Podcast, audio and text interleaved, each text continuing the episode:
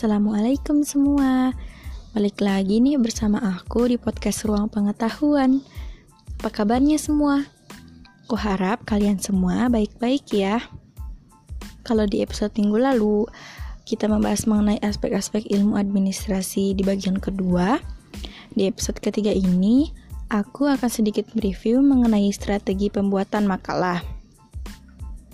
Kalian semua pasti udah gak asing lagi nih sama yang namanya makalah Yap, makalah adalah karya tulis ilmiah yang di dalamnya membahas sebuah masalah dan untuk mendapatkan pembahasan masalah yang lebih lanjut.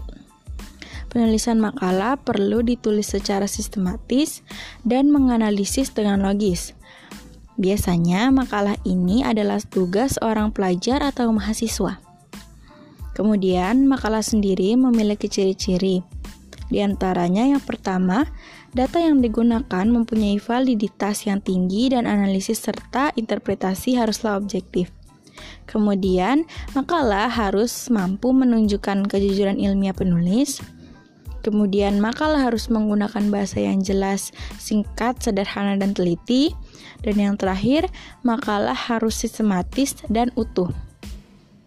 Lalu di makalah terdapat sistematika penulisan yang di dalamnya terdapat cover, kemudian kata pengantar, daftar isi, bab 1 pendahuluan, bab 2 pembahasan, bab 3 penutup, dan yang terakhir daftar pustaka.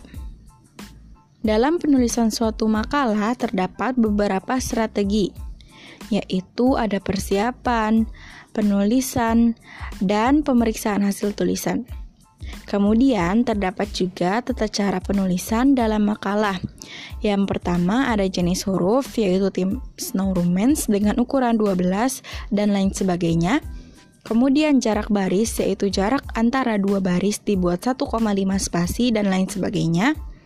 Kemudian jenis kertas dan jumlah halaman yang dipakai adalah HVS berwarna putih yang berukuran A4 dan lain sebagainya.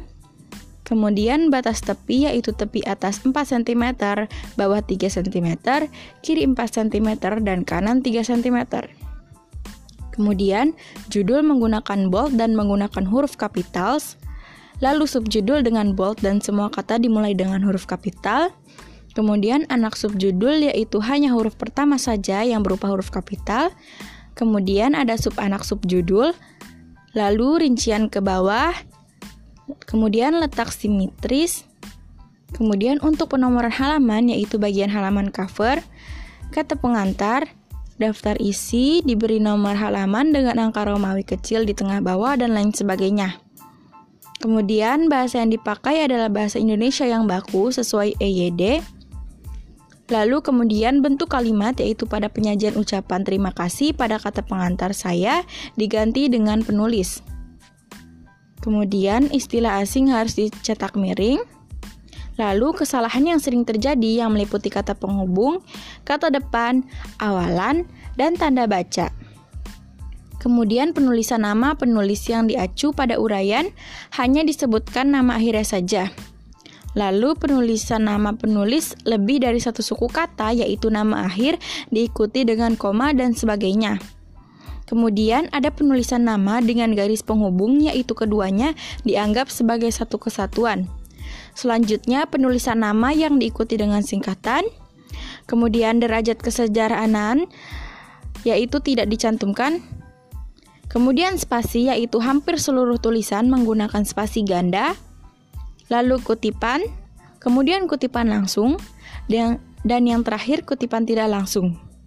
Nah, itu tadi strategi pembuatan makalah.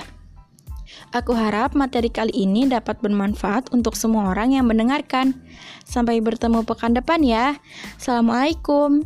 Bye.